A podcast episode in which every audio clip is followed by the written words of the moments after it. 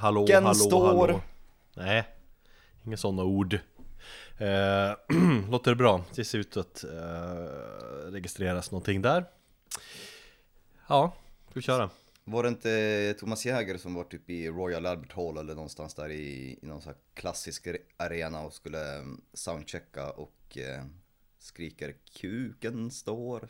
Mm, det är världens, kul bästa, världens bästa soundcheck. Ja, han har, han har delat den där varje år tror jag också Så att eh, han påminner alla om hur kul det var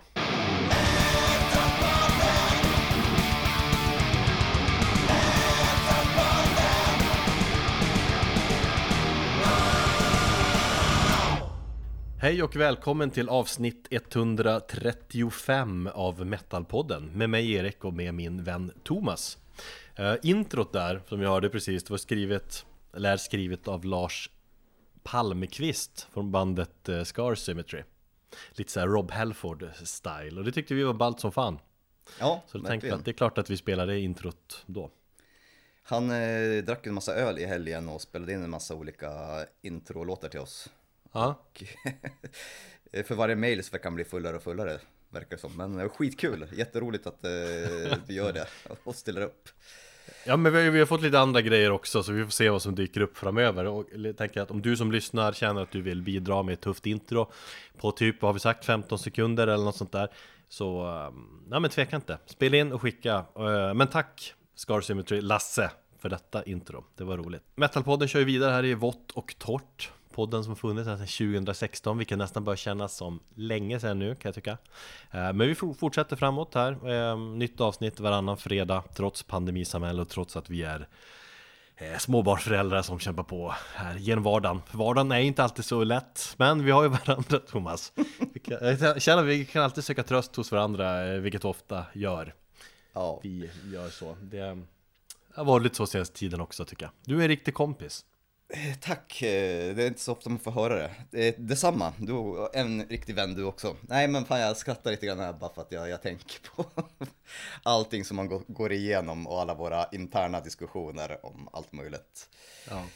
Idag är jag i och för sig i ett, i ett tillstånd där jag kan skratta åt det, det, det är man inte alltid. När vi slog igång skypen här och så då tittar du liksom ut genom fönstret och känner dig deppig och klagar på att det att det snöar lite grann. Och som jag sa innan vi spelade in här att det är så jävla folk som gnäller att det snöar i april. Jag menar vad fan det gör det, det alltid.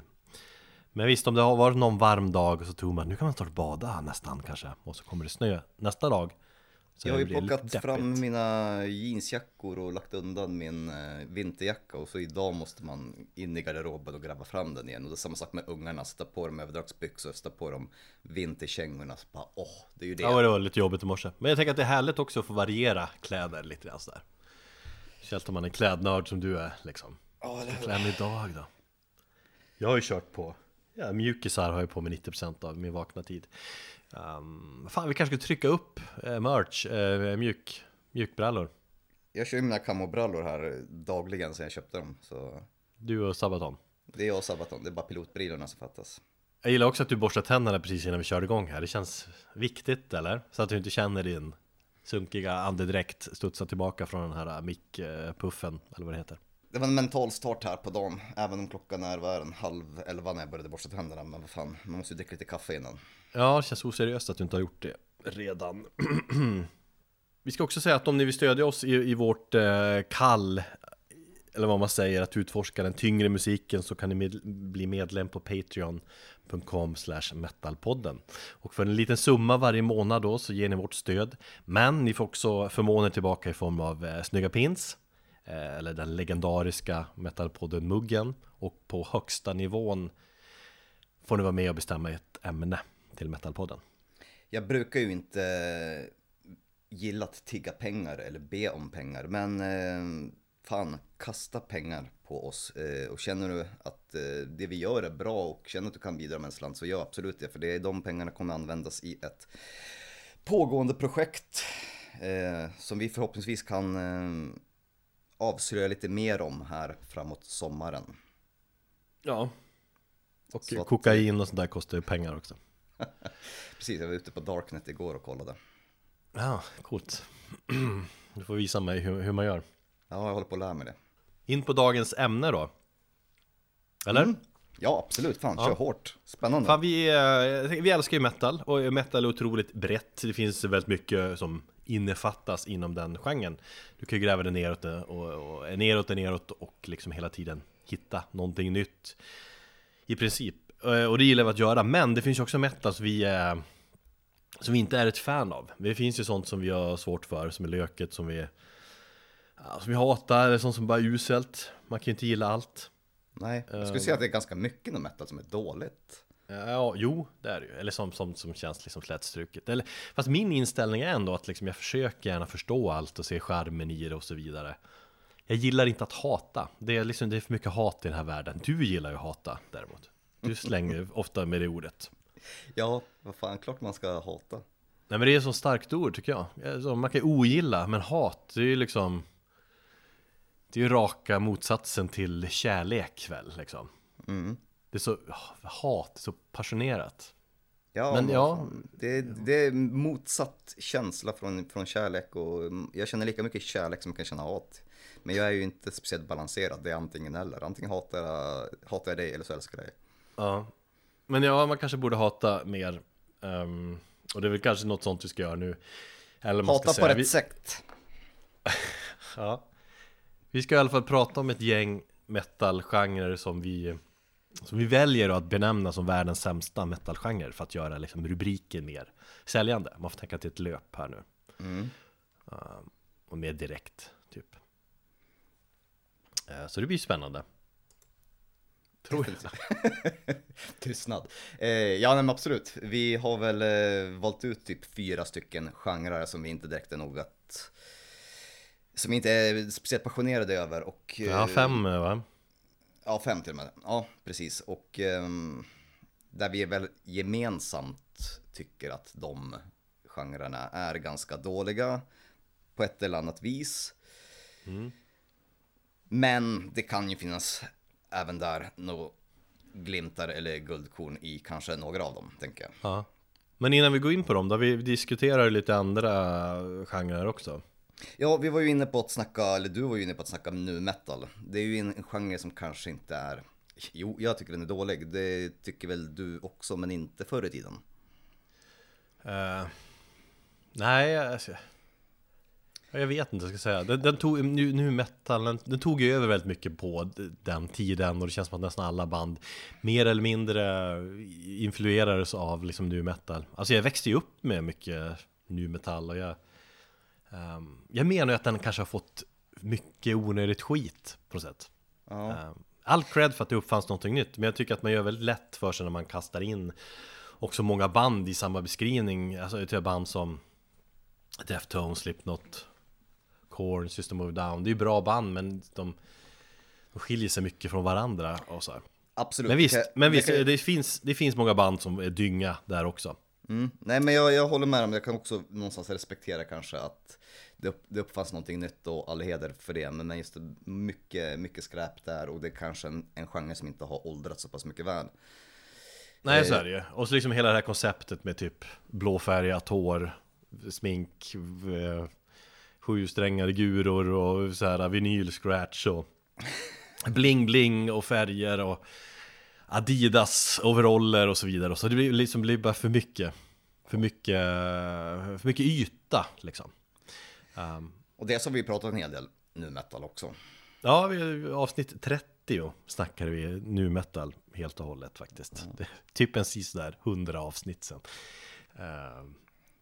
Jag, jag var ju inne på, på att snacka lite grann om slamdöds eller eh, så som jag har valt att, att benämna den. Jag vet att en definitionsfråga om vad slamdöds egentligen är, men det jag menar är ju den här brutal death metal som jag inte är speciellt stort fan av. Och du, Nej. eh, du, var, ja, du vägde över där och tyckte att det faktiskt är ganska bra ändå. Ja, men alltså, okej, brutal death metal. Jag har ju lite svårt att veta också vad som är vad här.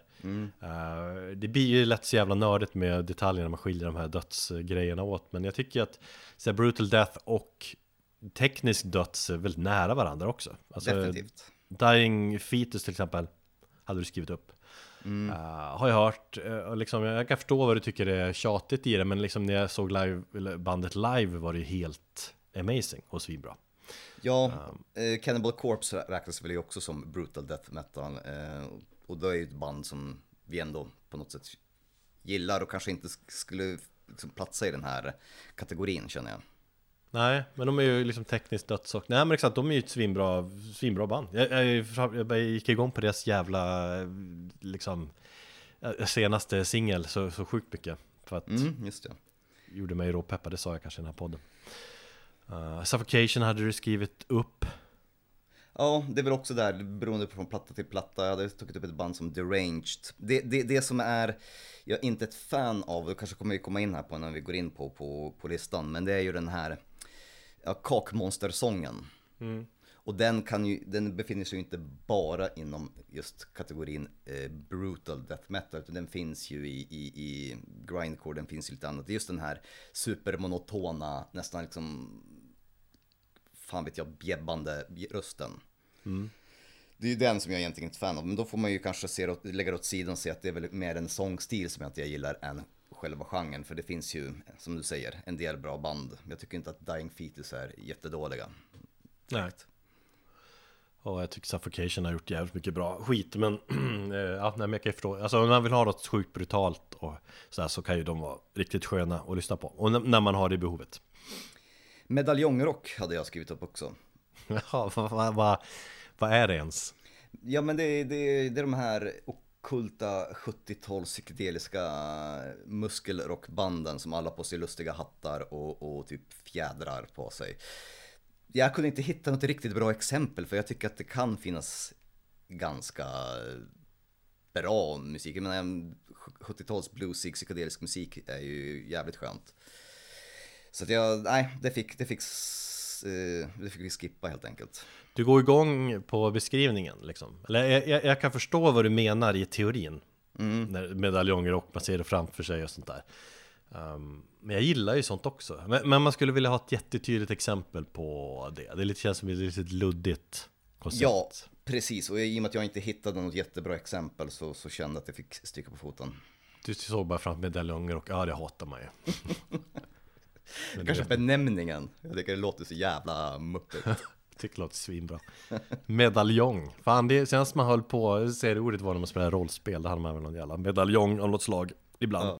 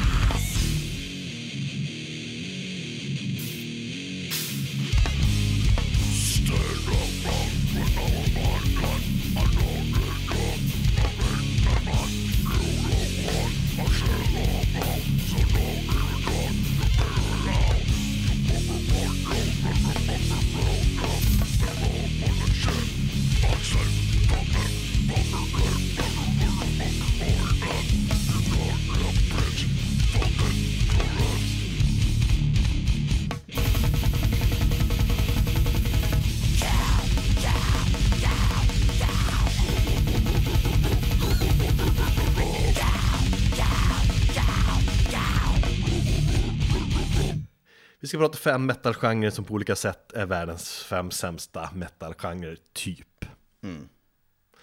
Och vi, vi börjar med uh, pornogrind. Och ja, fy fan, jag gillar absolut inte pornogrind. Uh, och då kan man ju fråga sig vad, eh, vad är det för genre egentligen då? Ehm, och egentligen är det väl inte så konstigt ändå. Pornogrind är vad det låter, typ. Alltså det, det är en liten mikrogenre inom grindcore.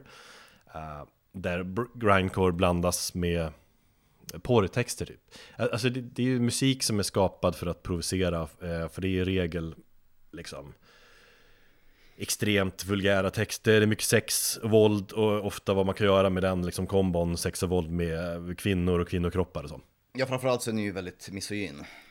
Ja, Det är verkligen. svårt och, och, det- och, ja, precis. och det känns som att det är typ en Att det är någon form av intern tävling då inom den genren och, och komma på de sjukaste texterna Ja, absolut. Alltså, det, pornogrind är ju, Alltså det är ju typ, det är ju en subgenre av en subgenre av en subgenre. Om du tänker dödsmetall och grindcore och sen så kom gore grind och sen en sub till det är då pornogrind.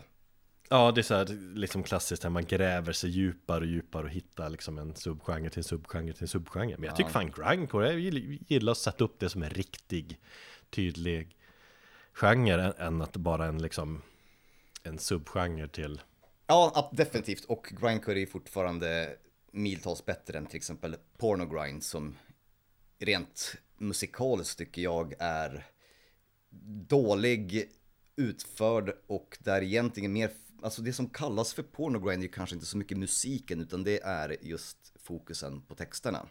Ja, exakt. Eller ja, musiken ska ju låta på ett speciellt sätt också i regel. Men Jo. Alltså på sätt och vis är det en form av uh, chockrock liksom. Eh, vi diskuterar ju det liksom i vårt skräckrockavsnitt, liksom just hur, hur provocerar man idag? Och ja, Pornogrind lyckas väl stundtals med det antar jag. Det är inget jag lyssnar på liksom. Men, men genren fick ett litet intresse från media för något år sedan, kanske två, tre år sedan, uh, i samband med att um, det var en massskjutning i Ohio där en snubbe sköt ihjäl nio personer. Just ja. Hans... Och då visade det sig att uh, mördaren där var sångaren i ett pornogrindband som heter Menstrual Munchies. Just ja, så uh, Och de har släppt album som Six Ways of Female Butchery och Preteen Daughter Pussy Slaughter och så uh, och kollar man, det är ritade omslag som visar som våldtäkt och det är liksom uh, massa, vad säger man, massa massakrerade kvinnliga kroppar och så vidare. Ja, så någonstans, den här kreativa gränsen, det finns ju nästan inga kreativa gränser på vad man kan komma på att ja, lemlästa kvinnor. Ja, nej, där, ja exakt. Och, och jag menar, och media menar ju då att ja men uppenbarligen fanns en koppling då Kop, Alltså koppling mellan hans texter och sjuka fantasier och vad han sen valde att göra, det vill säga att mörda nio personer. Ja men det där är det klassiska, jag, jag, jag har läst också en hel del olika ledare på amerikanska nyhetssidor mm. och, och krönikor om det där, om hur man återigen anklagar metal och i det här fallet då pornogrind för att det skulle vara våldsamt och, och sådär. Jag säger inte att det är okej, okay, texterna tar, man, tar vi avstånd ifrån. Eh, men att anklaga musiken för att skapa eh, den här typen av människor som går ut sen och mördar. Det är ju, det är ju precis som på 80-talet när man anklagade hårdrock för, för, för satanism och för att Ja, eller anklaga Marilyn Manson för att ligga liksom ja. indirekt bakom uh, Columbine skolmassakern och så vidare. Problemet är ju inte, alltså visst finns ett problem i själva genren och hur den väljer att liksom bemöta kvinnor och sånt där, men problemet är ju egentligen inte musiken i sig, utan det här är ju ytterligare bara ett svepskäl att ha någonting att skylla på i ett land där man har seriösa jävla problem med att Kolla upp vapenlagarna istället era jävla as. Ja, och sluta skylla på, på, på, på kulturen och sånt där. Sen så... Att det finns ju... sjuka människor överallt liksom. Oavsett vilken musik de lyssnar på. Det, men det, det, det är ju sånt där. Men om man, alltså ut, ut metal-perspektiv, om man bara kollar så tycker jag att eh, pornogrind är en super eh, logisk utveckling av musiken om man tittar på att man, man försöker bara det är ungdomar, förmodligen vita osäkra, arga män som, som vill hitta en utlopp för någonting och eh, att man bara gräver sig ner djupare. Så det känns ganska logiskt att en sån genre på en, ändå på något sätt finns tycker jag. Ja, jag tycker också det. På grund alltså, av chock, chockvärdet då. Ja, och just att, eh, att mycket metalmusik skrivs och produceras har ju liksom varit aktuellt eller har ju alltid varit aktuellt. Eh, och folk hittar ju nya vägar att göra det. Och, och man, om man pratar blodiga och sjuka skivomslag så ligger ju jag vet, band som Cannibal Corpse ligger ju bra till, om man ska nämna dem igen. Det är ju mm. liksom allt möjligt sjukt och gårigt som händer på de omslagen. Och det finns ju, det finns väl en genre som heter Gore Grind också. Där mm. det, det, är liksom, det är mycket gore och kroppar och sådär. Men, men skillnaden just är ju att Cannibal Corpse är ett jävligt bra dödsmetallband. Och det, det är det som är skillnaden. Porno Grind, eller av det jag har hört av det, är ju liksom Ja, det är genomuselt eh, mm. i regel. Det, det, är bara jävligt dålig musik. Det kan ju vara grindande. Jag har hört en del så här groovy riffen och så. Jag hörde något riff som var helt okej okay, faktiskt. Men Sången är ju i regel sådär eh, pitch-skiftad, det vill säga att man har lekt med tonhöjden i den och sänkt den, gjort den jävligt låg. Och det blir det här kakmonster fast det blir extrem form av det. Alltså det blir så brr, brr, brr, jävligt grisigt, grissånget och så. Uh, och den kombon med att det temamässigt bara handlar om sjuka, perversa, sexuella grejer, oftast väldigt nedslående mot kvinnor. eh, Det, det, är som det blir det blir bara uselt. Ja. Nu vet jag ju till exempel att Cannibal Corpse har ju också fått kritik för att de hade haft eh, ganska så misogyna texter i alla fall i, i början av karriären. Jag tänker på Ja. Fucked with a knife och, och sådana. Det har ju dykt upp i, i, i, i olika situationer där man har diskuterat det. Nu är ju väl kanske Corpse Grinder tvåbarnspappa och har döttrar och allting så jag vet inte riktigt om man skulle skriva sådana texter idag. Men det fanns ju viss, en viss problematik där också tidigare. Ja, Även om jag tror att de kanske har lämnat eh, en hel del av just kvinnofokus i sina texter, utan det är bara gore. Men på något sätt, jag vet inte, Cannibal Corpse känns som att om man tittar på deras omslag, de är ju tecknade, de känns... Det känns fortfarande som om att det finns någon form av liksom, en distans till, till själva det brutala i Cannibal Corpse jämfört med till exempel de här pornogrindbanden där det kanske är lite mer inte riktiga men jag tänkte på att omslagen kan ju vara illustrerade på något annat sätt, på mer verklighetstroget sätt och sådär. ja det finns en annan osmaklighet i det liksom. Ja, Eller vad ska säga. Och jag vet inte om det chockerar mer, det är bara liksom Ja, som jag ser pornogrind så ser jag det som, som liksom tonåringar som försöker chocka på ungefär samma sätt som man försökte chocka med, med thrash och metal på 80-talet som norska kids gjorde på 90-talet. Det här är liksom bara nästa steg. Ja, alltså genren är inget nytt påhitt, alltså den Nej. uppstod väl någon gång redan bara av 90-talet Man, man pratar om ett band som heter GATT, eh, tyskar Som släppte en demo 91 som heter Drowning in Female Excrements Alltså typ drunkna i kvinnlig avföring eller sådär. Eh, Och så finns det också ett band som heter Cock and Ball Torture. Det, det är bandnamn, det är lite kul. Cock and Ball Torture, fan jag gillar dem. Eh, och jag tror, jag, tror, jag, tror, jag tror de också är tyskar, och jag, jag vi vet ju alla att tyskar är sjuka i huvudet. Ja, definitivt. De verkar ha varit ganska stora liksom inom pornogrind-genren eller vad man ska säga. Eh, Och så kollar jag de liksom populäraste pornogrind-banden på Last FM Alltså vilka som man söker och vilka som lyssnas på mest. Och där finns ju Då finns ju både Cock and Ball Torture och Gut med där i toppen. Men även band som eh, Gonorrhea Pussy och, och Sperm Swa- Swamp eh, Gore Anus. I shit on your face uh, Teen Pussyfuckers Anal Blast och så vidare. Alltså det finns ju många undersidor där på Last FM som Alltså där man kan gå igenom. Alltså pornogrind bandnamn. Om man är sugen på det, det kan ju bara liksom vara intressant att se alla liksom, sjuka fantasier och när man, man kommer på en massa sådana här uh, Ja, bandnamn då. Ja. Sen eh, Anal Blast, det är ju faktiskt ett pornogramband som tre medlemmar från Slipknot var med i på, Just på ja. 90-talet. Och de är ju ganska lätt att hitta ehm, på YouTube och så. Sen är det ju, det är inte direkt någon genre, du vet om det är någon tonårsmamma som lyssnar här nu eller någonting så här. Det, det, alltså det är ingen genre som någonsin kommer bli stor. Banden liksom finns ju i princip inte på streaming-sajter. Man hittar lite grejer på YouTube och sådär. Um, och så tänker jag att pornogrind är någonting som spelas på förfester med snubbar som sitter och, liksom kollar, lyssnar på det här. Uh, men nej, det, det, är liksom, det är för dåligt och det är för osmakligt för att dra stora massor. Men samtidigt så kan jag förstå chockvärdet i redan sjuka människors hjärnor, att de kan dras till det där. Ja, sure. Uh, ska vi lyssna på lite cock and ball torture då? Så lyssnar vi på inlednings, Kör inledningsspåret Where Girls Learn to Piss on Command från skivan Sado Chismo som kom i början av 00-talet eller något sånt där.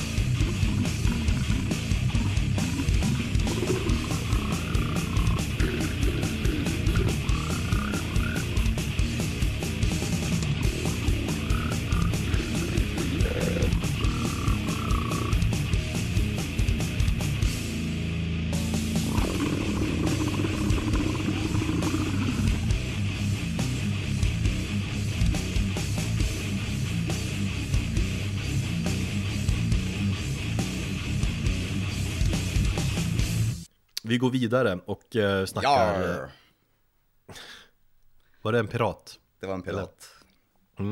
Vi ska snacka Pirate Metal Fan, Det blir ett kämpigt avsnitt där Känner jag Men jag får skylla mig själv, det var jag som skrev upp det här ämnet en gång i tiden Det har låtit Det Det känts kul i teorin i alla fall Ja, men eh, det är som vi säger, säger är, man vill ju peppa någonting och här peppar man ju egentligen musik som man inte gillar. Men jag vet inte, jag tycker det är ganska kul här ändå. Jag tyckte det var intressant att, att, att läsa på inför det här avsnittet. Jo, faktiskt eh, Piratmetal alltså, och det är också ganska Tydligt vad det är för någonting måste man väl ändå säga, precis som pornogrind kanske Eh, Det är metal som sjunger Band som sjunger om, om pirater, alltså kort och gott I princip, man, man kastar in pirat mytologi i texterna och man klär ut sig, ut sig till pirater och Eller liksom typ tidstypiska sådana kläder, eller man ska säga. Just är liksom typ den allmänna synen på hur pirater såg ut och förde sig. Jag kan tänka mig att stilen eller genren fick ett extra uppsving också i samband med eh, Pirates of the Caribbean-filmerna och Johnny Depps jävla karaktär där. Ja, det kan jag tänka mig. Så måste jag ha varit. Stilen i sig har ändå varit med länge. Eh, skapades verkar som eh, av av bandet Running Wild. Eh, på deras tredje platta Under Jolly Roger så eh, då liksom anammar de det här piratkonceptet. Och med det så var Pirate Metal skapad. Men då kan jag ju tillägga att Running Wild är ju ändå ganska bra. Ja, alltså Alltså jag tycker att, nu har inte jag jättebra koll på deras, all deras musik, men det jag har hört tycker jag ändå, det är ju, jag menar 80-talet är ju fortfarande någon form av eh, heavy metal, episk power, eh, fast med, med pirattema. Det är ju egentligen de här nya banden som har tagit det här steget längre, som jag har större svårigheter för. Ja, precis. Running Wild är ju mer liksom typisk 80-tals hårdrock. Men det var väl liksom att de fick ett kommersiellt uppsving med den där plattan 87 och så har de kört vidare på det. Sen verkar de ha, när jag läser och kollar, för de har ju släppt många plattor efter det också, de, de verkar ha liksom utforskat piratuniversumet ganska djupt utifrån. Eh, Eller, alltså, eller vad, som, vad som finns i, i historien. Lite som Lite som Sabaton, eh, tänker jag, att när de, det de gör när de går ner i sin liksom, krigshistoria så har Running Wild gått ner i eh, pirat-stories och Ja. så här. Och ja, varför inte då? Men eh, Ja, och det finns, det finns ju en hel del band inom genren här att snöa in sig på om man är sugen. Det, och till skillnad från just porno grind så ehm, det, det är liksom inte en viss typ av metal som måste, måste man spela när, när man Ja, sysslar den med låter pirate inte på ett metal. speciellt sätt, utan det handlar ju mer om temat, för många av de här banden låter ju lite annorlunda från varandra. Ja, det är ganska blandat. Men i och för det verkar vara ganska mycket power metal, mycket speed metal, thrash och folk metal. Vilket är de, dagens största pirate metal-band då? Eh, det är ju Ailstorm, verkar Ja. vara störst. De har ju verkligen liksom mainstreamat den musiken. Ja, och de är stora också. Men, men det, det är som det... Exakt, alltså genremässigt kan det skilja sig ganska mycket och det gemensamma med banden liksom, inom genren är pirattemat. Och det är det som är problemet här, att det blir ju... Jag säger inte att jag hatar genren, men det blir så jävla lökigt. Alltså, det är okej att skriva en låt om pirater. Liksom, men- och så här, ja, fan, varför inte? Men, men liksom att köra hela piratkonceptet fullt ut, skiva efter skiva, Jag tänkte, ja, men det, som du säger, jämt här, och ständigt. det är som du säger, den här lökigheten, jag menar du kan ju fortfarande bearbeta ett tema fast utan att behöva gå in i det. Eh, alltså rent musikaliskt tänker jag, jag menar Ailstorm, Swashbuckle och sådana där, det blir bara, det blir några jävla gycklarfasoner på det hela. Det är det som jag har det svåra med. Ja. Medan Running Wild fortfarande har någon fot i, i liksom klassisk heavy metal. Jag tänker på, det finns ett amerikanskt black metal band eh, bestående av eh, eh, urinvånare som sjunger om liksom slakt av eh, indianer under 1800-talet. Ur ett black metal perspektiv, men utan att på något sätt inkorporera någon form av inhemsk eller ur, ur musik. Ja, Så jag, tänk, jag tänker ju mer att det är att sättet man väljer att presentera sin musik på och sättet som då Ailstorm och såna här gör, gör det otroligt löket. Ja, och, liksom Ailstorm, de, de började som ett ganska klassiskt power metal band och sen skrev de en låt som heter Heavy Metal Pirates. Mm. Som blev en hit. Och de bara, ah, fan här har har, vi här har vi någonting." Ja. Och så sadlar de he- om helt Eller sadla om kanske man inte gör i piratuniversumet Men, men eh, och så gick, gick man all in på det Sen verkar de alltså när jag lyssnar, de verkar ju ganska breda genremässigt ändå och testar lite olika stilar. På det viset är de ganska intressanta. Alltså de använder en hel del andra instrument också. Ja, det, blir, ja, det är lökigt också men det är syntar och det är trumpeter och tromboner och vet, dragspel, fioler och liksom andra mer klassiska folkmusikinstrument. Dragspel. Eller ja, eller lite så här regelrätt så br- brittiskt dragspel, vad fan det nu heter Skitsamma Dragspel fan i metal, det, det går fet bort. Ja men det skulle kunna man kasta in i någon sån här medaljongrock tema Ja. Om det kommer upp en dragspelare och tänker att nej för fan Det finns ju något band inom just den här genren, pirate metal, som bara kör typ akustisk. Det är ju dragspel, det är basfiol och typ banjo eller någonting.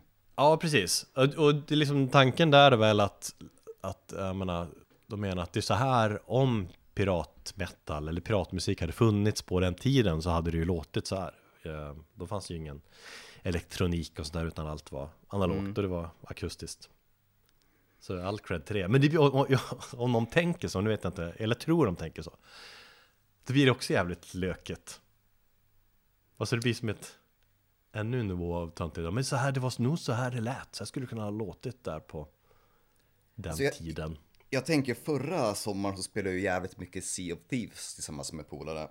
Mm.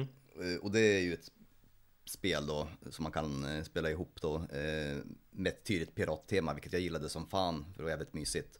Där fanns ju ett instrument som jag vet inte, det är kanske någon form av, som du sä- säger, brittisk dragspel, men du snurrar på en jävla vev och så kommer ett ljud. Nu kommer jag inte exakt på vad, vad det instrumentet heter. Ja, Men det är ju ett jävligt stämningsfullt instrument. ja. Jo, men det är ju många av de instrumenten ändå. Det är väl den känslan, därför man lägger in det för att få lite av ja, den här känslan. Han heter Men, det eh, instrumentet nu. Ja, Ja, jag vet vilket du tänker på. Eh, men Skitsamma. Men, men Ailstorm, man lyssnar, de slänger in ja, ganska mycket. Grunden är väl någon typ av power metal liksom så här, men det är ju thrashigt och någon black metal-låt och sånt där också. Så de leker ju runt. Och de är ju stora. Um, jag tänkte vi ska lyssna på en låt av Ailstorm som heter Drink. för det gjorde pirater. De Va? drack. Ja, exakt. Och det, det är från plattan Sunset of the Golden Age som släpptes 2014. Och det, ja, det blir väl lite extra charmigt. Ailstorm, de är från Skottland. Mm. Och, och det hör när de sjunger och så. Och visst, hade man liksom, eh, du vet, varit glad och, och lite full där i solen på festival och stått med en öl och de här jävlarna gick på och kör sitt piratkoncept 100% Då hade man ändå tyckt att det var kul. Ja, kanske. Eh, för det är ju catch ändå, och det är töntigt. Eh, Men det, det här är ju, den här låten Drink, det alltså, det är, ja, det är en catchy låt Men, och det är faktiskt en låt som jag kollar, 31 miljoner spelningar på Spotify. Så att de här är ju poppis som fasiken. I alla fall i, i England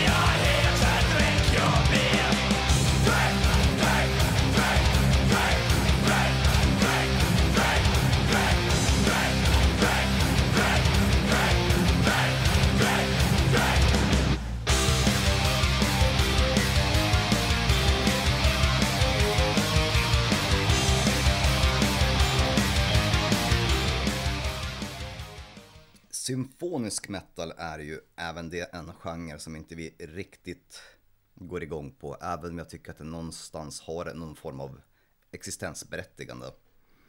Och jag kan, väl Ja. vara, jag kan väl vara först med att säga att jag ändå har lyssnat på en hel del symfonisk metal under mina tonår, under min uppväxt. Så att, ja, helt oäven är ju inte genren, även om jag inte riktigt kan köpa den idag.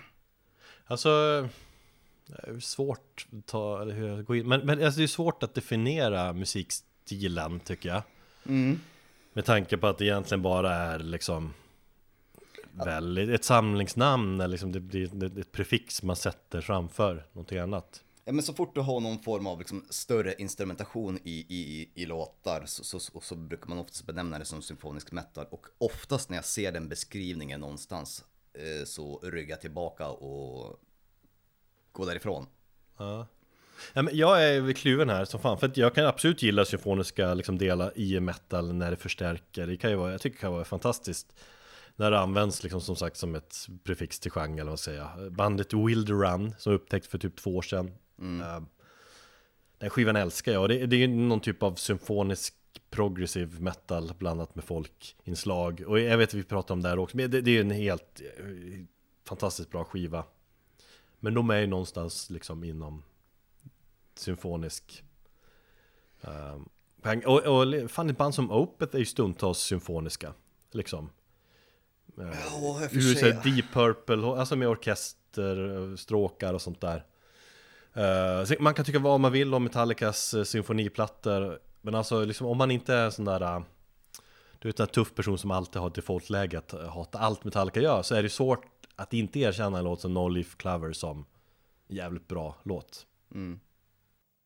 Men det jag har svårt för liksom, det är ju en, om man kan säga så, men en mer renodlad symfonisk metal, alltså i stilen som eh, Vi har de här Nightwish och Within Temptation och så. Ja, att- det, är väl ja. där, det är väl där någonstans vi, vi, vi möts i den här diskussionen. För det var väl det vi, vi var inne på. Jag menar, jag, jag var ett väldigt stort fan av symfonisk black metal under senare hälften av 90-talet. Eh, Ja, det är Dimmy Borger och det stycket liksom. Ja, fortfarande vissa av Dimmu Borgis tidiga plattor tycker jag är svinbra. Cradle of Filth kan väl också någonstans sättas in i det, i det facket.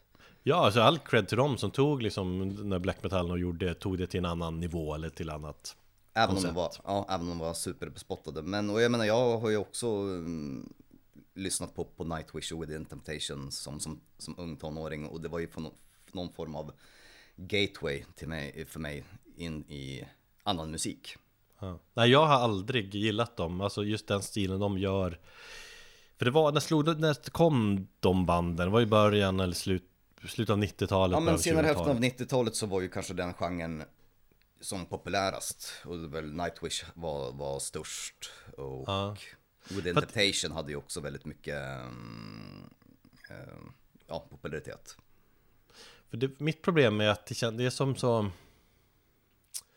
ja, slätstruk, eller det känns så genomkommersiellt, det är poppigt och, så, och det är så ofarligt på något vis. Mm. Ja, det finns ingen udd. Nej, det finns ingen udd alls. Och den här kvinnliga, liksom opera-liknande liksom, sångstilen. Som ibland blandas med eh, growl från en man. Ja. Nej, usch. Jag, jag tror det var liksom... Var det Within Temptation som spelade på Jävla Metalfest? Eller det kanske hette Getaway då. Och, liksom, och de, de, de var ju som headliner och det var största scenen och det var påkostat. Det visuella liksom och så stor scen och allt det där. Men det var, jag kände bara, "Nej, fan vad det här är... Äh, det är bara...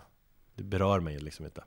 För- Vi hade ju, ja, som sagt, eh, många av de här banden är ju fortfarande aktiva. Jag tror Nightwish håller väl på fortfarande, även om de har haft lite byte av frontsångerska och sådär. Within Temptation tror jag också håller på. Ja. Det finns nya aktörer i, och artister i, i, i genren. Så att den är ju högst levande, men, men den kanske inte är lika populär som den var kring, kring millennieskiftet. Nej men känns ändå som de är stor. Jag, jag, som, jag, jag, ser, jag ser bandnamnen liksom så här ibland Men jag, det är inget jag lyssnar på. Finns det något band som heter Epica också kanske va? Yes. Och det är väl något liknande. Mm.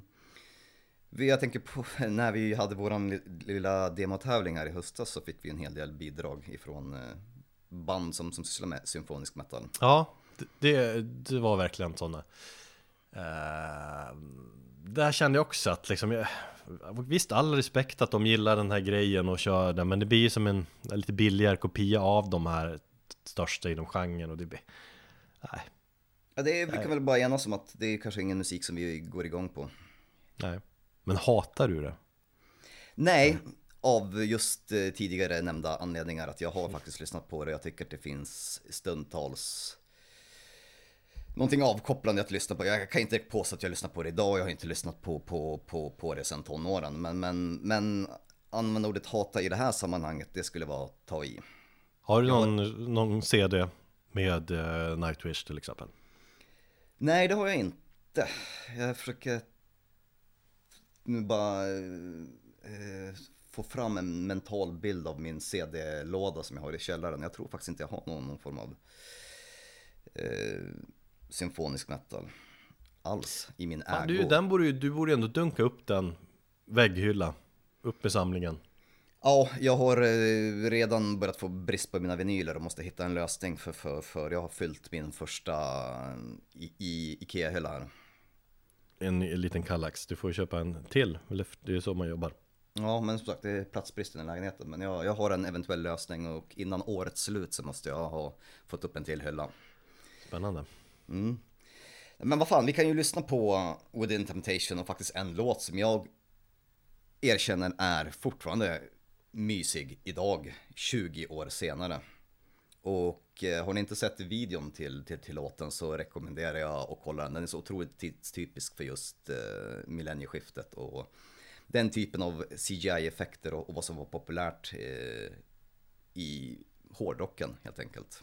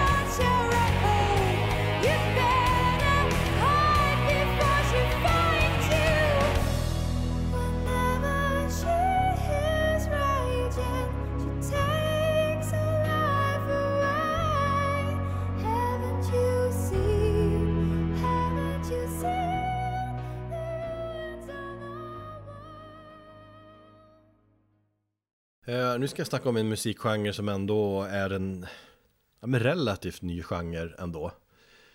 Det beror på hur, mm, ja, hur ny man tänker, hur långt bakåt i tiden. Fan, det här är nog en genre som har typ 15 år på nacken minst. Ja, jo jag vet, men då är det ändå en ganska ny genre får man ju fan ändå säga.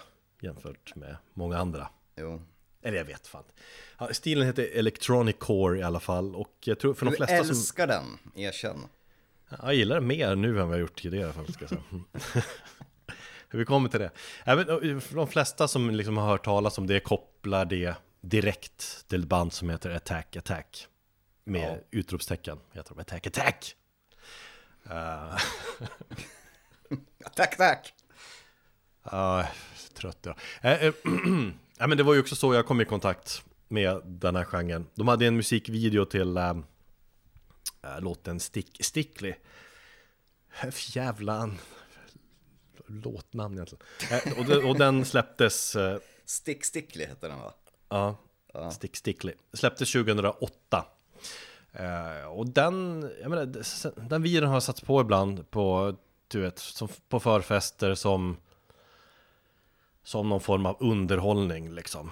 Så här, bara, nej, inte den här! Och, och, och alla som vet, alla som inte hade sett eller hört den låten förut fick alltid en, någon form av chock när de såg och lyssnade. För att, um, och, och jag tycker också, när, när man sett den på länge så börjar man, man gapar liksom varje gång också. Bara, vad fan, vad är det här? Just att de använder autotune och det blir, plötsligt blir det en jävla disco och så kör de den här crabcore stilen där de står, man står väldigt brett eh, med benen och böjer liksom på knäna. Eh. Det är som en konstant eh, what the fuck-känsla när man ser och lyssnar på den videon. Det som stör mig mest med den genren är kanske inte lika mycket musiken som att man köper sig en image eller en outfit. Det var liksom tajta snor, tajta jeggings, Vans skor, V-ringade t-shirtar och emo-frissa. Det fanns liksom, det var bara konformitet i den genren. Ja, fast jag tänker att det är många, så många metalcore kids såg ut också. Det är nära besläktat med, med metalcore. Och jag, jag har ju länge nöjt mig med att, att det är den där jävla videon. Och sen har man väl hört att de snackar typ, eller jag har ju tänkt att, jag tror det heter eh, electrocore. Eh, men jag har ju liksom inte haft intresset att liksom utforska det vidare. För det har ju, det, det har ju inte varit något liksom som har tilltalat mig på något sätt. Sen har jag, liksom, jag har ju, man har ju blivit medveten om att det här det är en stil som är också ganska stor eh, och den heter Electronic Core. Um, och jag har ju lyssnat en del på Electronic Core nu liksom så här också. Så jag är lite mer insatt, eller vad man ska säga. Eh, men, Din, men historia... Ja, din granne Låsmeden, han kommer väl lyssna på det här avsnittet. Ja, det kommer man göra. Så det är jag fullt medveten om. um, ja, men I stora hela tillhör Electronic Core metalcore. Alltså det är en undergenre till metalcore. Och det, konceptet är att man lägger in eh, elektronisk musik. Ofta i form av trance, elektronika och dubstep. Elektronika vet jag, det, det känns som ett, det är väl mer som ett samlingsnamn för massa form av elektronisk musik. Så det, det, är liksom, det är de här typiska metalcore-elementen med eh, breakdowns och det skriksång och det de här delarna för att sen liksom kunna övergå plötsligt till någon, någon elektronisk del. Och, eh, och så de här autotune-delarna också som är, det, det, de är helt fruktansvärda. Dock det vet var- jag inte hur, hur vanligt det är idag, men Attack Attack använder det jävligt mycket i alla fall. Ja men det var ju den här pojkbandsrefrängerna liksom. Ja, Men du, alltså Dead by April, räknas de som electronic core? ja vi- ja, vissa. Okej. Fast det vet jag, ja.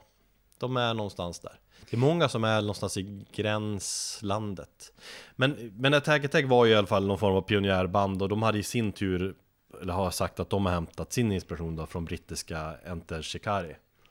Som bildades ett antal år innan Attack Attack. Och jag, liksom, när jag lyssnar på Enter Shikari så jag hör att att Attack Attack har hämtat inspiration därifrån. Men av det jag har hört av Enter Shikari också tycker jag att de är betydligt liksom, bredare. De verkar vara ett band som har förändrats mycket från skiva till skiva också. Det är mycket, det är mycket post-hardcore, mycket alternativ rock och med elektroniska inslag och de har liksom Liksom för varje skiva har de som nu har vi, liksom, lägger vi in dubstep och nu lägger vi in den här delen av elektronisk musik så att de hela tiden utvecklat sitt koncept. Alltså jag gillar, eller jag gillade Enter Shikari eh, till den grad att jag fan sett dem live till att två, tre gånger. Jag hängde med dem backstage, fick, fick sitta um, på, vid sidan av scenen när de spelade på Roskilde 2009. Fan. Jag, har sett dem på Debaser Slussen, jag har intervjuat dem två, tre gånger. Skitsköna killar. Och som du säger, de var lite före, även om de också kanske ska liksom på något sätt eh, placera sig i det här facket, eh, så, så var de ändå före, för de tog ju De tog ju hardcore och blandade det med, med elektronik långt innan electronic core var ett begrepp. Ja, precis. Och sen idag vad de gör, vad de gör som säger dubstep, det är mer rave och hård techno. Jag tror att de har lämnat ganska mycket den genren bakom sig. Ja. Och de var ju... Nej men jag blir förvånad över hur liksom hur ehm, Ja, eller hur okej en Enter Shikari ändå är ja, det, för det var någon proto-electronic core. Ja, men eh, alltså grejen Attack Attack, de utvecklade det där då, liksom de tog såklart inspiration från Enter Shikari Men så har de Då har de gjort den här osmakligare Electronic Core-grejen Ehm, Och jag har ju tvingats försöka förstå mig på den här musiken och Inför det här, jag har också varit läst del i forum och, och sådär. Jag gillar att sätta mig in i liksom Kidsen som, eller folk som gillar det här. Eh, och det finns en stor publik till den här grejen, det är ingen snack om saken.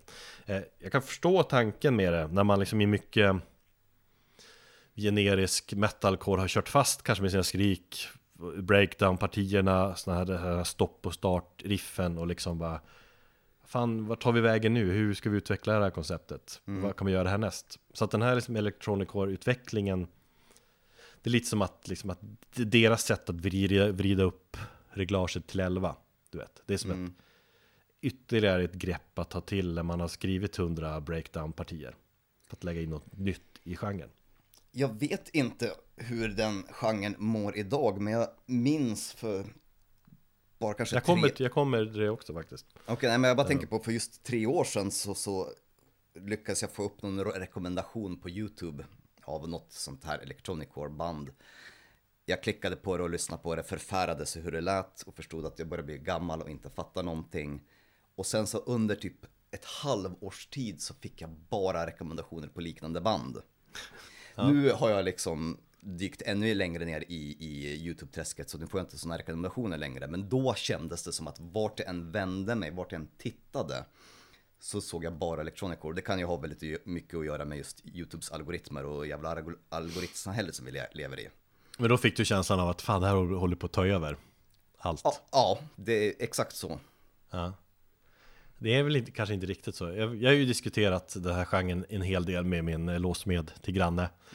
Jag har ju nämnt honom tidigare i podden här också. Han, han gillar ju mycket metal, han lyssnar på black metal på 90-talet, han harvar in Mayhem-loggan på sitt tonårsskrivbord, jag har sett det själv.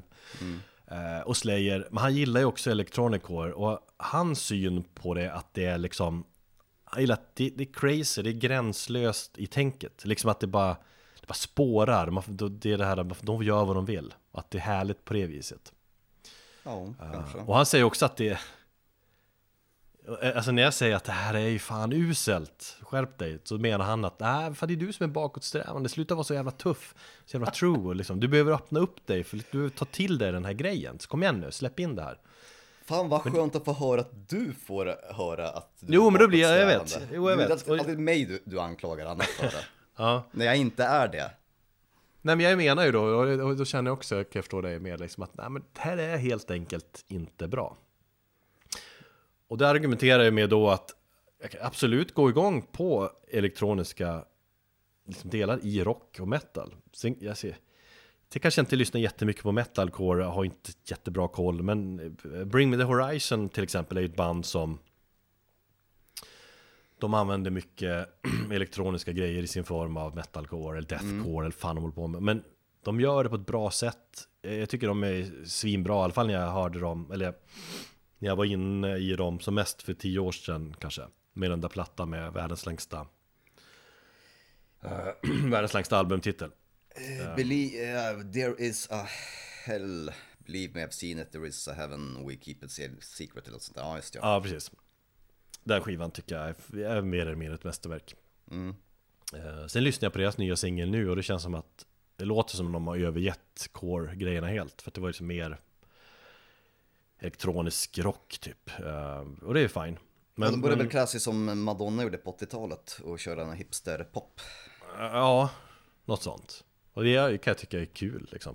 Eh, Men inget som lätt liksom. För mig intressant i alla fall. Eh, Men mitt största problem med Electronic Core är just att de här elektroniska delarna är så... De är så osmakliga, det skär sig så jävla mycket. Då utifrån beskrivna genrer så är det olika typer av elektronisk musik som man, man blandar med metalcore. Uh, men för mig låter det som, de här delarna, det låter som töntig jävla techno typ. Så det blir bara konstigt. Det bara skär sig, man, du vet, man kan inte kombinera alla delar, liksom olika genrer. Och det, här- det, bara, det, bara, det här funkar ju inte. Bara konstigt. Fult. Ja, vad säger, vad säger du när dina kids eh, växer upp och börjar lyssna på electronic core? Och... Är någonting nytt? Far, ja, farsan, du, du, du hänger ju inte med i någonting kommer man säga. Och du bara nej. Då kan, Nej. Du, då kan du hänvisa till det här avsnittet. Precis, lyssna på det här. Ja, men sen var jag också inne på ett mer renodlat electronic core forum där folk som verkligen älskar stilen hänger. Um, där verkar de mer vara inne på att stilen håller på att försvinna. Att, ehm, och då går, de går ju igång just på just den här, alltså det vrider sig från metalcore till techno, eller de gillar den kontrasten.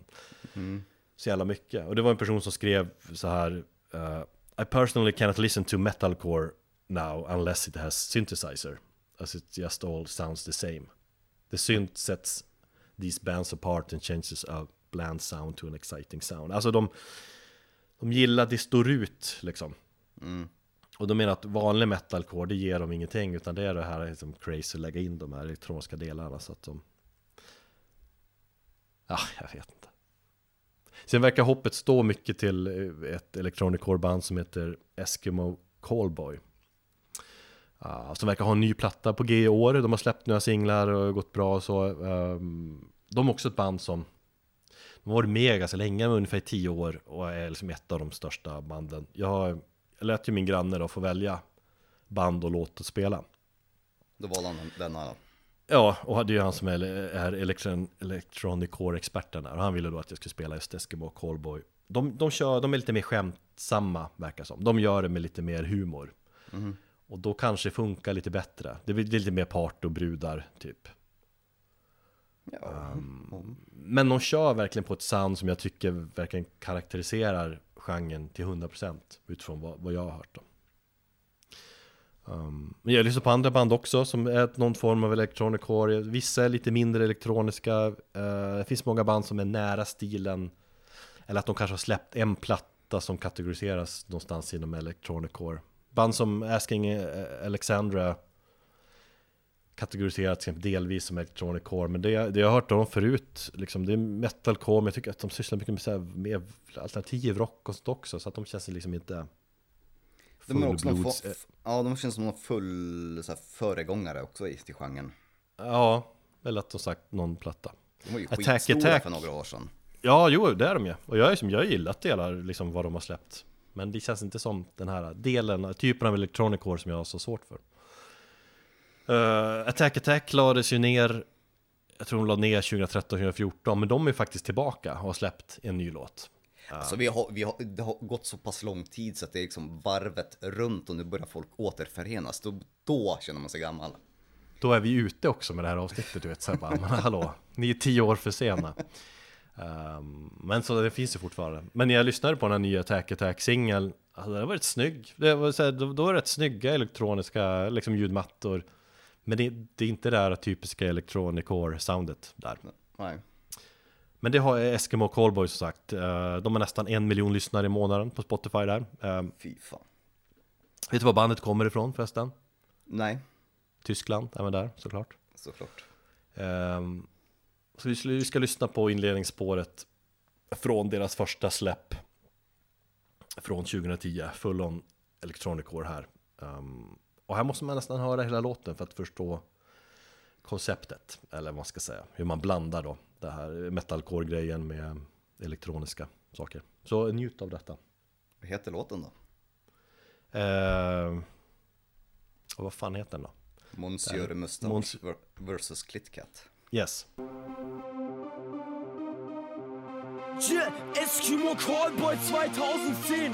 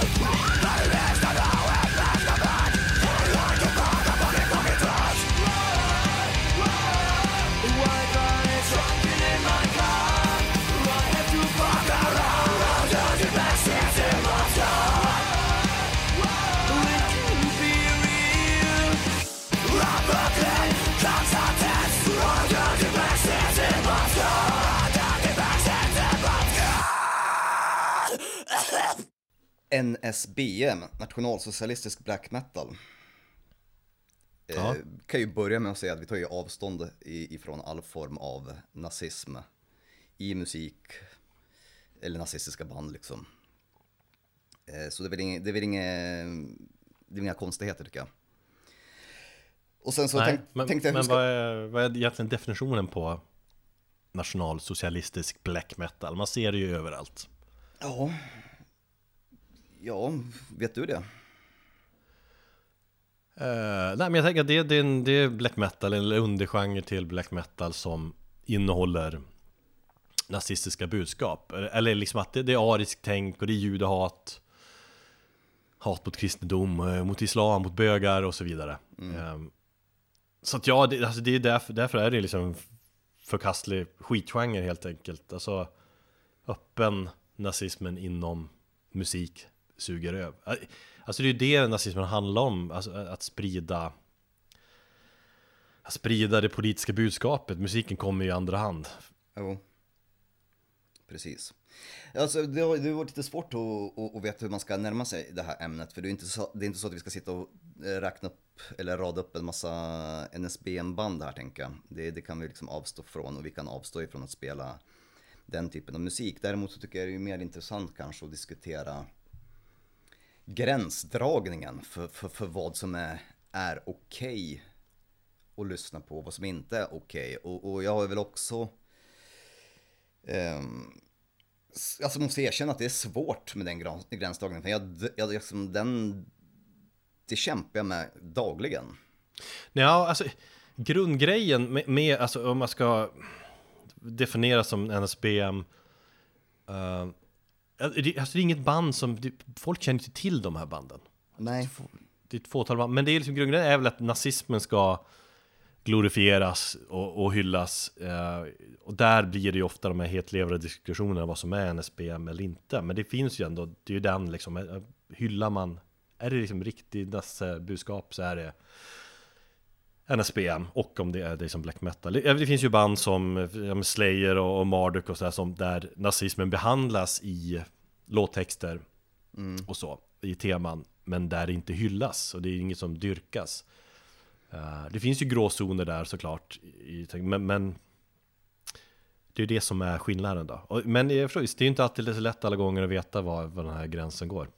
Nej, jag kan väl tillägga att när jag säger att jag brottas med det dagligen så sitter inte jag och lyssnar på en NSBM-band och försöker eh, kolla vad som är okej för mig att lyssna eller inte. Men det jag menar är den här, som sagt, band som kanske har någon form av eh, guilt by association eller rör sig i tvivelaktiga kretsar men där musiken nödvändigtvis inte handlar eh, om just nazism. Och då tänker jag just på, på diskussioner som uppstått kring band som Marduk, eh, Magua och eh, Deathspell Omega är väl tre stora band som jag, som jag tänker på som blivit anklagade men där de kanske inte är, nazismen är så pass supertydlig i, i eller det nazistiska budskapet inte är tydligt i själva texterna. Nej. Sen att bandmedlemmarna kan ha tvivelaktiga åsikter och, och, och, och hänga med, med sånt patrask är egentligen en, en, en annan diskussion och en diskussion som egentligen hör hemma i, i hela den här begreppet sk- skildra liksom, artisten från konsten. Ja, precis. Och det, den är, kan vara stundtals lite svår diskussion att förhålla sig till. Alltså, det finns ju mycket där ute på internet som där man kan hitta och, man, och tolka. Det finns gamla intervjuer och liksom vad folk har sagt och antytt. Kanske också of, ofta för länge sedan i sin ungdom och sådär. Många säger saker också för att uppröra folk. Det, det om någon, något är ju väldigt liksom vanligt i, det är som en del av black metals natur. Att liksom hetsa, att chockera. Ja, precis. Och jag tänker också att när man nu har liksom kört eh, hela kristendomsgrejen och bränt kyrkor, det inte upprör längre, så kan ju nazismen vara också en sista provokation i en väldigt känslig eh, tid som vi lever i just nu. Ja, men det är så jävla trist att det, det är, alltså det är fortfarande det det handlar om, alltså de här disk, eviga diskussionerna om vilka band som är nazister eller inte. Eh, Och man får väl göra sina egna tolkningar av det hela också. Eh, Vissa ägnar ju liksom, som man fick känslan av att du gör då, eh, eh, liksom många timmar åt att liksom försöka hitta sanningen om vad vissa band egentligen tycker och tänker. Eh, Samtidigt kan man ju liksom inte kräva att att alla ska göra det. Du vet, någon får tips, bara men Deathbell Omega, eh, det här är ju skitbra om man fastnar för det och så sen liksom försöker man alltså förstå bara, men ja, vad tycker och tänker de egentligen?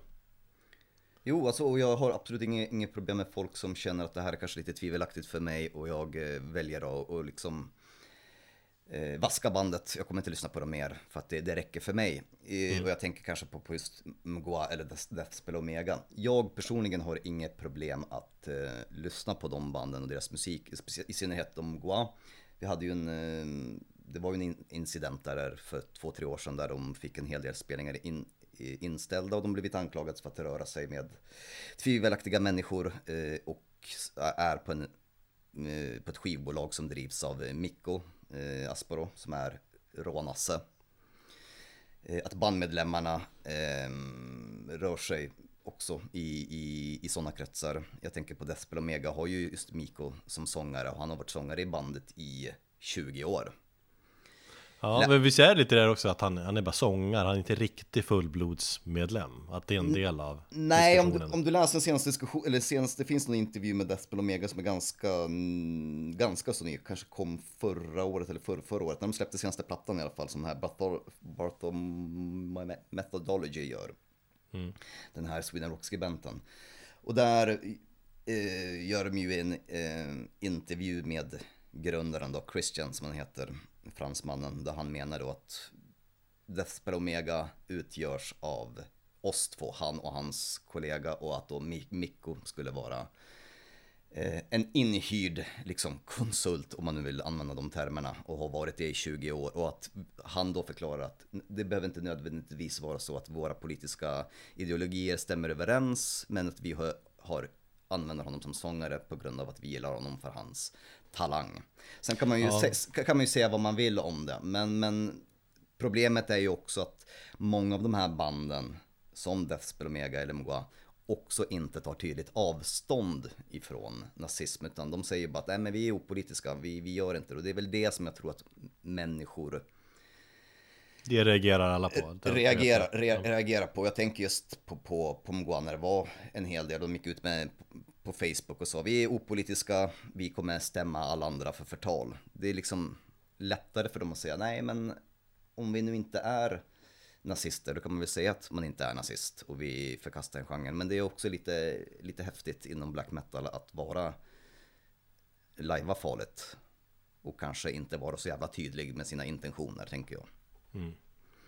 Eh, jag stöter ju på lite grann eh, av den här problematiken i jobbet. Det var ju inte det jag ville komma fram till är att som sagt, vad man väljer att dra gränsen för vad man vill lyssna på eller vad man vill stötta, det är upp till var och en. Jag har ju liksom inga problem att att liksom totalt ta avstånd ifrån fullblodsnazister och band som, som har ett tydligt nazistiskt budskap.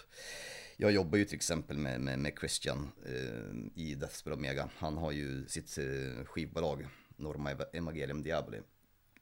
Eh, så men, jag köper ju ingen grejer i, till jobbet ifrån, ifrån honom. Eh, jag har inget problem med att lyssna på Mgwa. Jag gillar ju dem för deras, just på grund av deras texter och den här nihilismen som jag känner eh, tilltalar mig. Och det finns ju inte speciellt mycket nazistiskt budskap i just de texterna. Även om jag vet att senaste skivan kanske har blivit lite mm, anklagat för att vara, vad ska man säga, mm, förklädd nazism. Jag vet inte riktigt, jag har inte studerat de texterna eh, riktigt ordentligt. Men liksom Death, Deathspells Omegas eh, trilogi där, eh, som de släppte under, vad var det, ja, 90-tal, slutet av 90-talet och början av 2000-talet. Den tycker jag är svinbra ur en rent Ja. musika, musikaliskt perspektiv. Sen tycker jag faktiskt att bandet blev sämre och har inte liksom haft ett intresse av att eh, lyssna på dem. De har haft Men- sin tioårsperiod. De har haft sin tioårsperiod. Nej men alltså, Men när- du säger så här att, du har inga problem alls att samarbeta Men känner du liksom inte i bakgrunden då att när det finns en sån där person som den här Mikko Aspa liksom Som när man kollar på vad han har sagt och sånt där Det känns, det smutsar ju som ner Det känns inte känns ju inte okej Nej, ja absolut. Nu jobbar ju inte jag eller har med någonting att göra personligen sådär. Så att det, det, kan inte jag Det kan inte jag avgöra. Alltså jag har ju min, min, min åsikt om honom. Jag tycker det är förkastligt det han gör. Men, men samtidigt Samtidigt så samarbetar du med hans band Ja, eller jag, ja, in, inte hans band, men med, med, hans, med killen som driver hans skivbolag. Han har ju an, andra, andra band på, på sin label liksom. Ja, just det. Men jag tänker, jag har fått förfrågningar. Eh, jag fick ett, ganska nyligen här i höstas fick jag förfrågningar om något skivbolag som ville att vi skulle distribuera deras grejer. Och, och, och då kom vi in på det här liksom. Där jag inte hade egentligen några problem överhuvudtaget att säga nej. För att då skickade de mig i sin backkatalog och då såg jag vilka, vilka band de, de ville sälja in eller vad de har. Eh, och distribuerar. Och det var ju fullblodsnazister. Det var ju band som hette Hitler Smileys eller Hot Shower SS. Eller så var det någon, någon form av kombination av eh, siffrorna 8-8 och någonting annat. Och där var det bara nej tack. Det här är ingenting som vi är intresserade av. Jag tänker inte köpa in det. Fast kan du dra den slutsatsen direkt att det är Nasse-musik då? Ja, jag hade, jag skulle säga i, det, i, det, i den situationen hade jag inget problem som helst om att bara förkasta det. Ja, nej, men jag menar om man liksom drar en Slayer-parallell då Nu kan man ju Slayer och deras texter, men liksom om du skulle se ett ungt Slayer eller så komma med, med liksom en, en låttitel som syftar på Josef Mengele liksom. Ja, alltså det... Alltså ja, det, jag menar, det är inte supertydligt direkt vad nej, nej, jag vet. Om det är en hyllning eller om det är bara liksom att man bara sjunger om nazismen liksom Ja, och då, då krävs det ju att man behöver sätta sig in i, i allting. Och den, den tiden har man ju inte. Jag, Nej, jag, jag tycker det är jävligt svårt för många. Vissa går ju, alltså när man följer många på Twitter och, och Vi har ju flera vänner liksom som gör det här jobbet hela tiden. Och ägnar timtal åt liksom det här att hitta de här riktiga nassarna där ute. Det kan man inte kräva alla att göra, det är svårt. Samtidigt blir jag alltid lite sådär Du vet vad fan, när jag ser folk med Bursum-tröjor. Och visst, Bursum är väl inte NSBM eh, och, och var liksom inte nazistisk men, men varje Vikernes är ju en jävla fascistgubbjävel liksom. Och mördare. Och en person som står högt i kurs hos det här liksom hela NSBM rörelsen, folket. och eh, den rörelsen. Och att då gå omkring stolt med en Bursum t-shirt känns jävligt tveksamt. Jag har ju folk liksom nä- nära mig som Eh, liksom lyssnar på Bursum och liksom, ja men har, har merch och så vidare. Ja, nej, som sagt, det, det är en svår, det är en svår balans. Ibland tycker jag att det känns så jävla självklart. Jag skulle aldrig sätta på mig en Bursum t-shirt. Jag skulle nog inte sätta på mig en Deathspell Omega t-shirt heller, men, men lyst, jag skulle kanske inte köpa en Deathspell Omega platta. Och å andra sidan så har jag Mgwa-plattor. Så Jag vet inte, det, det, det känns, ibland känns det så jävla tydligt att det här tar jag ett sånt tydligt avstånd på, jag tänker inte ge dem mina pengar. Ibland så känns det, ja, svårare. Marduk. Jag gillar Marduk, jag gillar många av deras plattor som de har gjort. Eh, Jag kan erkänna att jag tycker det är svårare att lyssna på dem idag. Och det är väl en, en, ehm, en, eh, vad heter det? En blandning av att jag tycker att senaste plattan var ganska dålig. Och det faktumet vad vad som har kommit fram om, om, om dem. Å andra sidan så, så, så är det också så här. Ja, jag vill, jag vill inte sitta här och för, liksom, eh, på något sätt ursäkta beteendet. Det är inte det som är meningen, men det är bara att försöka på något sätt visa tankegången att det inte alltid är så jävla enkelt. Nej, vissa har ju som inställning att allt som bara osar lite åt liksom tveksamma eh, ja, men något, nå- något åt nazismen eller fascismen hållet så liksom så väljer man att direkt ta avstånd. Ja, Eh, Men ibland är det, det finns en gråzon där och det är fan, det är inte lätt alltid. nej. Men ren, det liksom får vi väl förtydliga igen Att ren liksom NSBM, det, det förkastar vi helt och hållet Ja, det är som sagt, det, det är en... en- Vart ska man, vart ska man dra gränsen? Eh, drar man gränsen vid, vid, vid, vid Slayer, att de har stått och heilat på, på bilder, eller James Hetfield har stått och heilat för skojs skull. Rob Flynn har stått och heilat. Drar man gränsen där, de kanske har gjort det på en fest för fulla på, på 90-talet när det inte var lika känsligt. De skulle inte ha gjort det idag, men de har kanske också tagit av, avstånd. Fenris tog avstånd från, från eh, arisk, true Nor- Norwegian, Aryan, eh, black metal på sina skivor också. Så, så det handlar väl också om att band och artister tar avstånd i, ifrån tvivelaktiga åsikter eller från sådana här grejer tidigare i karriären och inte gör om det. Ja, och så kan man se bilder och, ja, fan man ser, får ju bilder på Lemmy och han hade ju jävla liksom stor eh, samling av föremål och grejer från eh, andra tyskar och nazisterna. Mm. Man ser sådana bilder, liksom spontant ser det ju lite tveksamt ut. Hade du liksom sett, hade jag haft mäktig nassesamling här hemma? Bara för att jag är som historiskt intresserad, hade du ändå tyckt, vad fan? Ja. Jaha. Eller många hade tänkt att det Jag här ser tveksamt ut. Jag tänker på ett band som Alcest till exempel som är superpopulära inom den här liksom shoegaze black metal typen och, och så här och, och han Nige då eh, sångaren har ju, finns ju bilder på honom när han står och poserar framför om den är ett hakkors eller en judeflagga och stora heilar som som 19-åring. Hur, huruvida han har tagit avstånd ifrån det, det vet jag inte. Men, men, men det verkar inte som att den diskussionen om nazism uppstår kring Alcest på samma sätt som den uppstår kring Mgwa, Deathspell Omega eller an- liknande band. För att det kanske tillhör inom stationstecken hans ungdom och Ett sätt att provocera och säkert en bild som han ångrar idag. Men han kanske har tagit avstånd också. Mm, det, det kan jag inte svara på just nu. Nej men det är som sagt, det är, det är, en, det är, en, eh, det är en gråzon och det är inte alltid så jävla enkelt. Tycker jag. Nej. Jag upp och tänka på med, alltså det är ju, det Satan förekommer ju också inom NSBM, alltså Satan och, och nazismen. Eh, och det finns väl en diskussion inom NSBM-genren, har jag för mig som Ska man använda sig av Satan som symbol? Många gör ju den blandningen men andra menar att Satan och, och liksom det eh, tänket och den symbolen kommer ju från, från judendomen och kristendomen så därför måste man Framför, framförallt så tycker ju band som, som, eh, som kör nazistiskt tema, de har ju inte fattat någonting. De skulle vara de första som skulle ryka i det nya riket. Ifall det skulle uppstå sånt. För att nazism och black metal har inte så mycket gemensamt. Det var ju väl Erik Danielsson som sa det efter att eh, han sett stod och heilade på, på scenen på, i Slagskyrkan. Också ett band som många har tagit avstånd fr- från senaste åren efter den händelsen. Ja, där har jag faktiskt inget problem för jag tror att, jag, eller jag ser inte Watain som, som, som något nazistiskt band. Eh, däremot att de har bandmedlemmar som kanske står och provocerar och gör dumma saker på scenen. Men jag tycker att i det fallet som typ Erik Danielsson, han är alldeles för smart och intelligent, han är en för intelligent människa för att, för att beblanda sig med, med nazism. Ja, basis, fast det är ju också det som folk irriterar sig på där är ju att han inte tar avstånd, tydligt avstånd från det. Ja. Får vi se om det är några som, som eh, blir irriterade Tar avstånd från oss. Ja, precis. Men äh, som sagt, det var, en, det var en diskussion som jag ville, ville ta upp. Så nu lyssnar vi på lite Hitlermusik. Hitler Black. Hitler Black. Ehm, ja, och med det så säger vi också tack för att ni har hängt med och lyssnat i detta kanske annorlunda avsnitt.